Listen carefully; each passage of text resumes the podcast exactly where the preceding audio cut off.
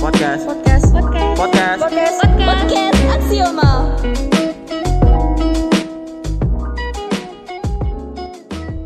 Assalamualaikum warahmatullahi wabarakatuh. Puji syukur kehadirat Allah yang senantiasa memberikan kita rahmat dan hidayah serta nikmatnya tanpa batas. Allahumma sholli ala Muhammad wa ala ali sayyidina Muhammad. Salawat serta salam kita haturkan kepada Rasulullah Shallallahu Alaihi Wasallam yang kita nantikan syafaatnya di yaumul akhir. Bismillahirrahmanirrahim. Halo dan selamat sore semua. Apa kabar? Ya, semoga kamu selalu sehat ya. By the way, puasanya masih betah gak nih? Iya harus betah dong, malu sama Upin Ipin. Sebelum kita lanjut lebih jauh, perkenalkan kami di sini akan menjadi pembicara siniar aksioma. Saya Ivan Ivana Ferumali dari kelas 8G. Saya Nurbay Hendra Vieko dari kelas 8G. Saya Kurniawan Ahmad Wibisono dari 7D. Oke, selamat datang di podcast Ngabuburit oleh OSIS SMP Negeri 1 Parakan episode pertama. Kesempatan kali ini kami bakal ngisi waktu ngabuburit kamu dengan pembahasan inspiratif berjudul Tujuh Kasihkan yang bisa dilakukan selama bulan Ramadan. Oh ya teman-teman, harap pantengin terus ya podcast ini, jangan di skip karena nanti di tengah-tengah podcast bakalan ada kuis berhadiah menarik. Dijamin gak nyesel deh ikutan. Nah langsung aja ya kita masuk ke sesi pembahasan Tujuh kasihkan yang bisa dilakukan selama bulan Ramadan. Satu, bangunin sahur. Nah, hal pertama yang pasti ada saat bulan Ramadan adalah bangunin sahur rame-rame. Biasanya kegiatan ini dilakukan dengan menabuh beduk atau kendang berkeliling kampung, perumahan, atau mungkin kompleks sambil teriak. Teriaknya gimana guys? Sahur, sahur. Wah yo, siapa yang pernah atau malah sering nih ngelakuin ini? Oke, tahu nggak? Dengan ngebangunin sahur rame-rame itu, kalian juga nambah pahala loh. Kok bisa? Ya iyalah, dengan dibangunkannya sahur, orang-orang tuh kan jadi nggak ngelewatin sahur. Jadi pas siangnya itu mereka bisa bertenaga dan kuat untuk melaksanakan puasa, melaksanakan kegiatan-kegiatan gitu loh. Dalam kata lain, juga mengurangi resiko orang membatalkan puasa dengan sengaja di siang hari karena kelaparan. Oh ya, Bang Biko, Bang Wibi, gimana sih rasanya ikutin ikut bangunin sahur rame-rame? Ya, perasaannya seneng aja gitu. Kita bisa keliling-keliling kampung sambil refreshing lah. Biar gak ngantuk pas sahurnya, gak loyo gitu lah. Kalau kamu gimana, Wib? Ya kalau aku sih sama, seneng bisa kumpul-kumpul lah sama teman-teman. Uh, asik ya. Jadi gimana nih para pendengar? Kalian tertarik gak buat bangunin sahur rame-rame di bulan Ramadan kali ini? Loh, emang boleh bangunin sahur di masa pandemi kayak gini? Tahun lalu aja semua kegiatan di bulan puasa kan dihentikan. Hmm, iya juga ya. Sebenarnya sih banyak yang memiliki pendapat tentang berlangsungnya kegiatan-kegiatan Ramadan di bulan pandemi, di musim pandemi seperti ini. Ada yang mengatakan tidak, ada juga yang bilang boleh dengan syarat-syarat tertentu. Kalau aku sendiri sih, boleh-boleh aja, asalkan dipatuhi protokol kesehatannya gitu. Kalau untuk bangunin sahur ya jangan rame-rame sehari cuma tiga orang gitu buat bangunin sahur keliling dan itu pun juga nggak boleh lama-lama di luar dan harus pakai masker, cuci tangan, lengkap pokoknya. Tapi ya apa pun pendapatnya gitu tuh mending kita nunggu pengumuman resmi dari kepala kamu masing-masing. Oke, lanjut. Dua, Wah, ngabuburit. Istilah ini tuh lahir dari tradisi masyarakat yang sedang menghabiskan waktu menunggu waktu maghrib.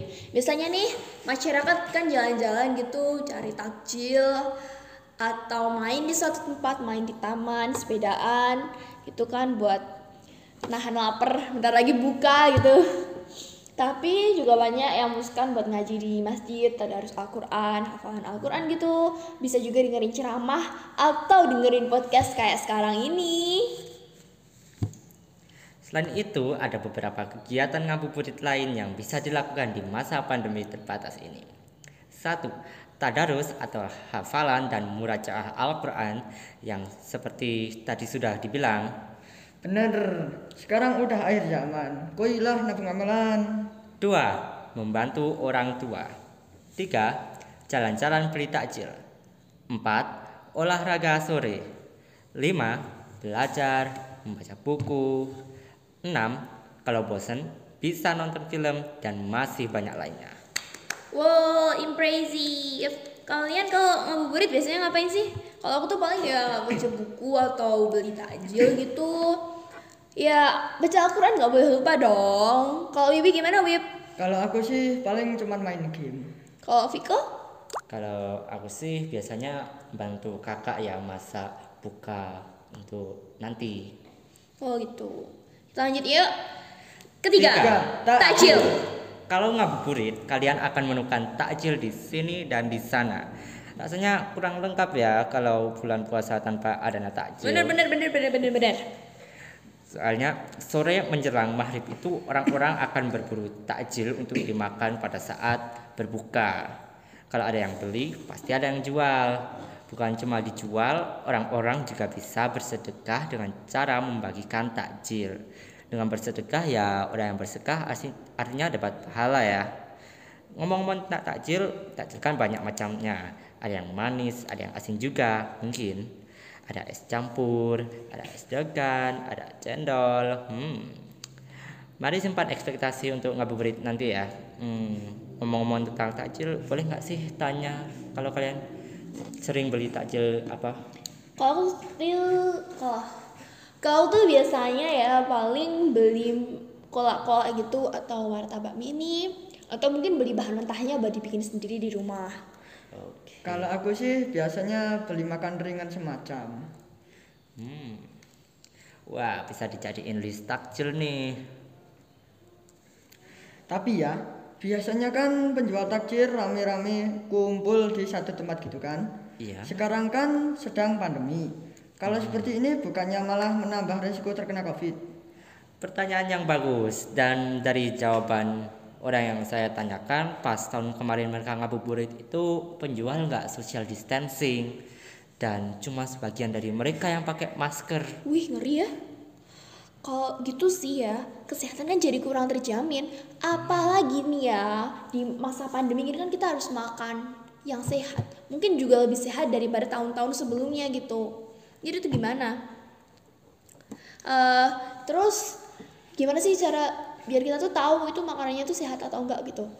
Satu lagi pertanyaan yang bagus. Sebenarnya cukup mudah sih dan sebagian caranya adalah untuk melihat kemasannya itu utuh, enggak bolong dan produknya itu enggak belum ada yang dimakan gitu loh. Iya juga ya. Udah dimakan, kurang ajar sekali itu penjualnya jualan makanan yang udah dimakan. Iya. Dan kalau produk itu buatan pabrik dan biasanya buatan pabrik itu kan ada tanggal kadaluarsanya itu ya, dicek apakah produk itu sudah melewati tanggal kadaluarsa dan juga tanyakan kepada penjualnya kalau siapa tahu dia bohong gitu ya. Sebenarnya nggak butuh sih. Dan yang terpenting cek apakah makanan dike- dikerumuni kotoran ataupun lalat. Oh gitu ya. Ya bener sih, gampang. Udah agak lama nih. Kalau lanjut ke topik selanjutnya gimana? Boleh? Empat, Bukber. Selain ngabuburit jalan-jalan, bukber juga menjadi pilihan untuk menghabiskan waktu untuk makanan. Biasanya yang melakukan bukber ini adalah para remaja-remaja yang ingin menghabiskan waktu bersama teman-temannya ya. Kalau kalian ada pengalaman pribadi nggak sih tentang bukber? Ada dong, biasanya tuh aku sama sekumpulan anak-anak kelas atau sama teman-teman lama, temen geng, temen klub. Aduh, aduh. Apa ya? Ya biasanya tuh kita pilih dulu tempatnya mau di mana dan kita harus pesan beberapa hari sebelum waktu kita bukber. Karena kan kalau misalkan masa bulan Ramadan gitu semua orang pengen bukber bareng gitu. Jadi restoran cepet penuhnya, cepet cepet kepesennya gitu loh. Jadi kita harus sewa rumah makan dulu. Ya cuman sewa beberapa tempat lah gitu. Kalau aku sih biasanya bukbernya di luar ya, sama keluarga. Itu pun kalau aku ada duit.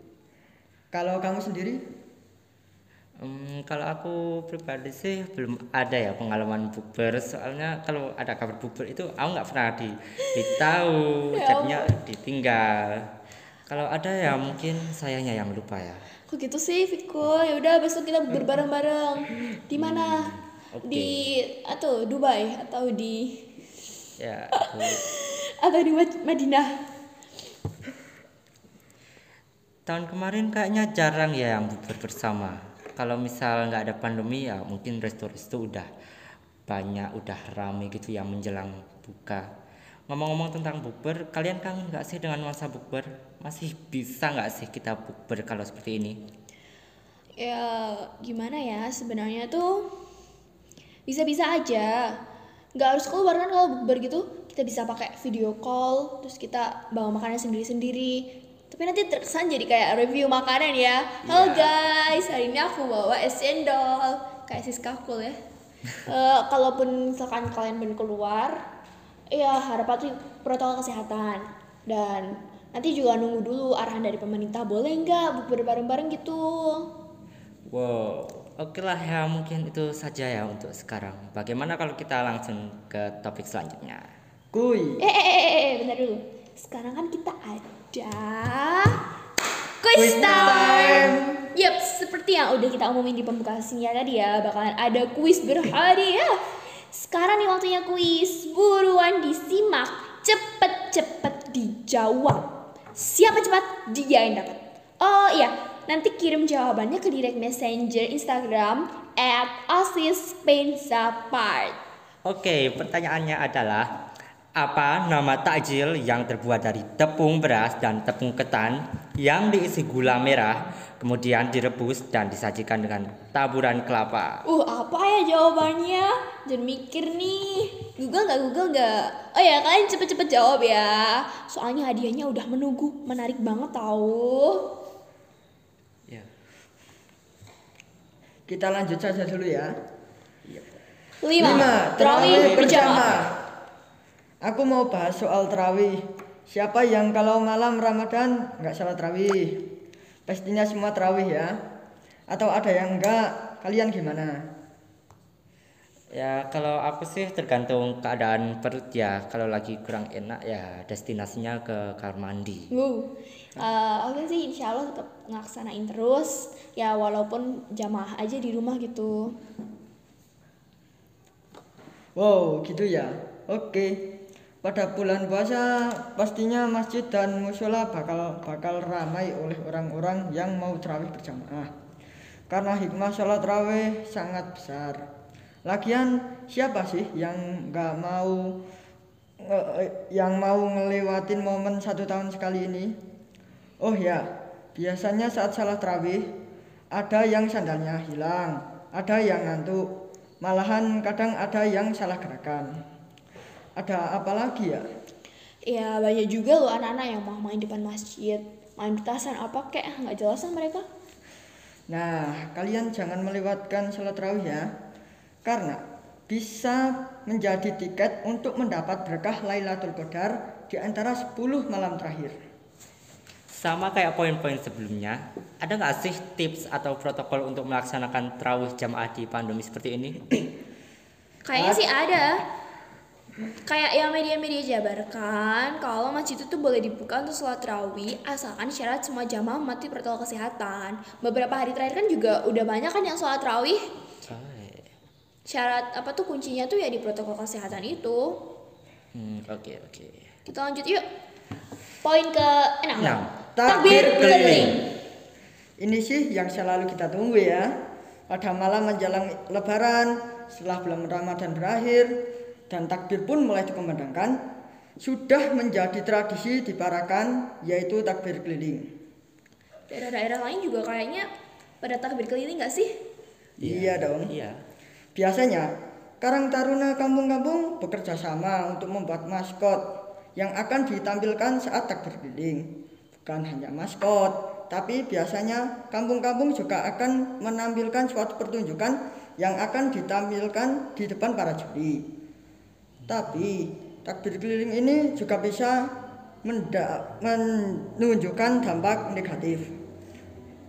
Biasanya saat takbir keliling ini berlangsung, jalan-jalan di Parakan akan menjadi padat. Dan itu sangat buruk di masa pandemi seperti saat ini. Tapi entah apa ada takbir keliling tahun ini. Bahkan tahun kemarin kita semua juga tidak dapat merasakan kemeriahan takbir keliling. Menurut kalian gimana? Kalau untuk alasan keamanan sih ya setuju-setuju saja ya agar orang-orang nggak berkerumunan gitu di satu tempat. Tapi kalau untuk kemeriahan ya pasti ada sesuatu yang kehilangan gitu ya rasanya. Ya sekarang kita cuma bisa lihat kendaraan lewat pas malam-malam. Iya bener, aku setuju sama Viko Karena kalau kita lagi ada di masa pandemi kayak gini tuh Emang harus banyak yang dikorbankan Tapi kan sebagai gantinya kita masih bisa kan takbiran di rumah Nanti lewat ya lewat Zoom kita takbiran sama teman-teman Semua pasti ada solusi walaupun tidak semeriah dulu-dulu Tujuh Mudik. Mudik alias pulang kampung itu kan jadi udah suatu tradisi yang menjadikan keharusan bagi masyarakat kita sejak zaman dahulu kala. Sanak saudara yang merantau di jauh sana itu bakalan pulang kampung. Melepas rindu sama saudara-saudara di desa. Biasanya nih ya, sekitar satu minggu sebelum tanggal 1 syawal, stasiun, bandara, pelabuhan, dan jalan tol atau tempat-tempat lainnya itu bakalan ramai. Para pemudik Para pemudik pulang dan sampai di rumah tuh bakalan disambut sama kue-kue ataupun masakan-masakan emak di desa. Gitu gak sih? Oh ya, momen ini tuh kan momen yang bener-bener dinantikan banget kan sama semua orang. Setiap tahunnya karena biasanya cuti paling panjang itu memang pada saat lebaran. Ya tapi sayang banget ya tahun ini kita nggak dibolehkan mudik. Tapi nggak apa-apa, kita masih bisa kok lewat telepon vid- video. Jadi pesanku tuh ya buat semuanya serindu apa pun kalian sama kampung halaman, jangan nekat mudik. Kita tuh kita sama-sama tersiksa di dalam masa pandemi seperti ini dan kita harus sama-sama untuk mematuhi peraturan. Jadi biar pandemi juga cepat kelar gitu loh. Jadi jangan nekat ya mau mudik, patuhi semua perintah.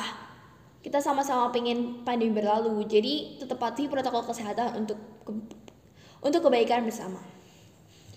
Nah, kita udah sampai ke poin ketujuh nih. Sekarang ngapain? Yup, sekarang ada kuis kedua. Eh, pertanyaannya nih. Nah, kayaknya nggak ada komentar lagi ya dari kita kita. Pokoknya yang penting patuhi peraturan pemerintah. Nah, tapi aku mau nanya nih, ada yang tahu nggak peristiwa mudik paling fenomenal dalam sejarah di mana terjadi kemacetan panjang di salah satu gerbang tol di Indonesia selama beberapa hari yang menyebabkan banyak korban. Bahkan banyak loh yang meninggal di kejadian ini. Oh ya, kejadian ini terjadi pada tahun 2016. Ada yang tahu nggak jawabannya? Kalau tahu, kirim jawaban juga ya ke direct messenger Instagram Osis Penzapart. Ntar yang jawabannya paling bener dan paling cepet bakalan dapat hadiah juga. Kayaknya cukup deh buat senior kita kali ini. Kurang lebihnya kami mohon maaf sebesar-besarnya dan sampai Tunggu dulu. Pak Ani, Kita ada kuis tambahan nih. kuis apaan tuh? Kuisnya adalah sebutkan hal yang bisa dilakukan saat ngabuburit selain yang sudah kami sebutkan. Nah, jawabannya dikirimkan ke DM IG OSIS ya. Terlepas dari itu, kita punya challenge nih. Challenge apaan? Challenge-nya adalah tulislah sebuah cerita dengan Kartini, tema Kartini, bisa pula berupa kisah inspiratif wanita. Cerita yang terbaik akan diceritakan di siniar Aksioma episode 2. Nah, pengumuman pemenang kuis akan diberitahukan besok pagi. Pantengin terus IG OSIS untuk pemberitahuan lebih lanjut. Terima kasih. Oh wow, impressive. Nah, tiga kuis udah, satu challenge-nya juga udah. Oh ya, pembahasannya juga pasti udah dong. Maka kayaknya kita harus pisahan deh ya. Sampai jumpa, selamat ngabuburit. Marhaban ya Ramadan. Bila taufiq wal hidayah. Wassalamualaikum warahmatullahi wabarakatuh.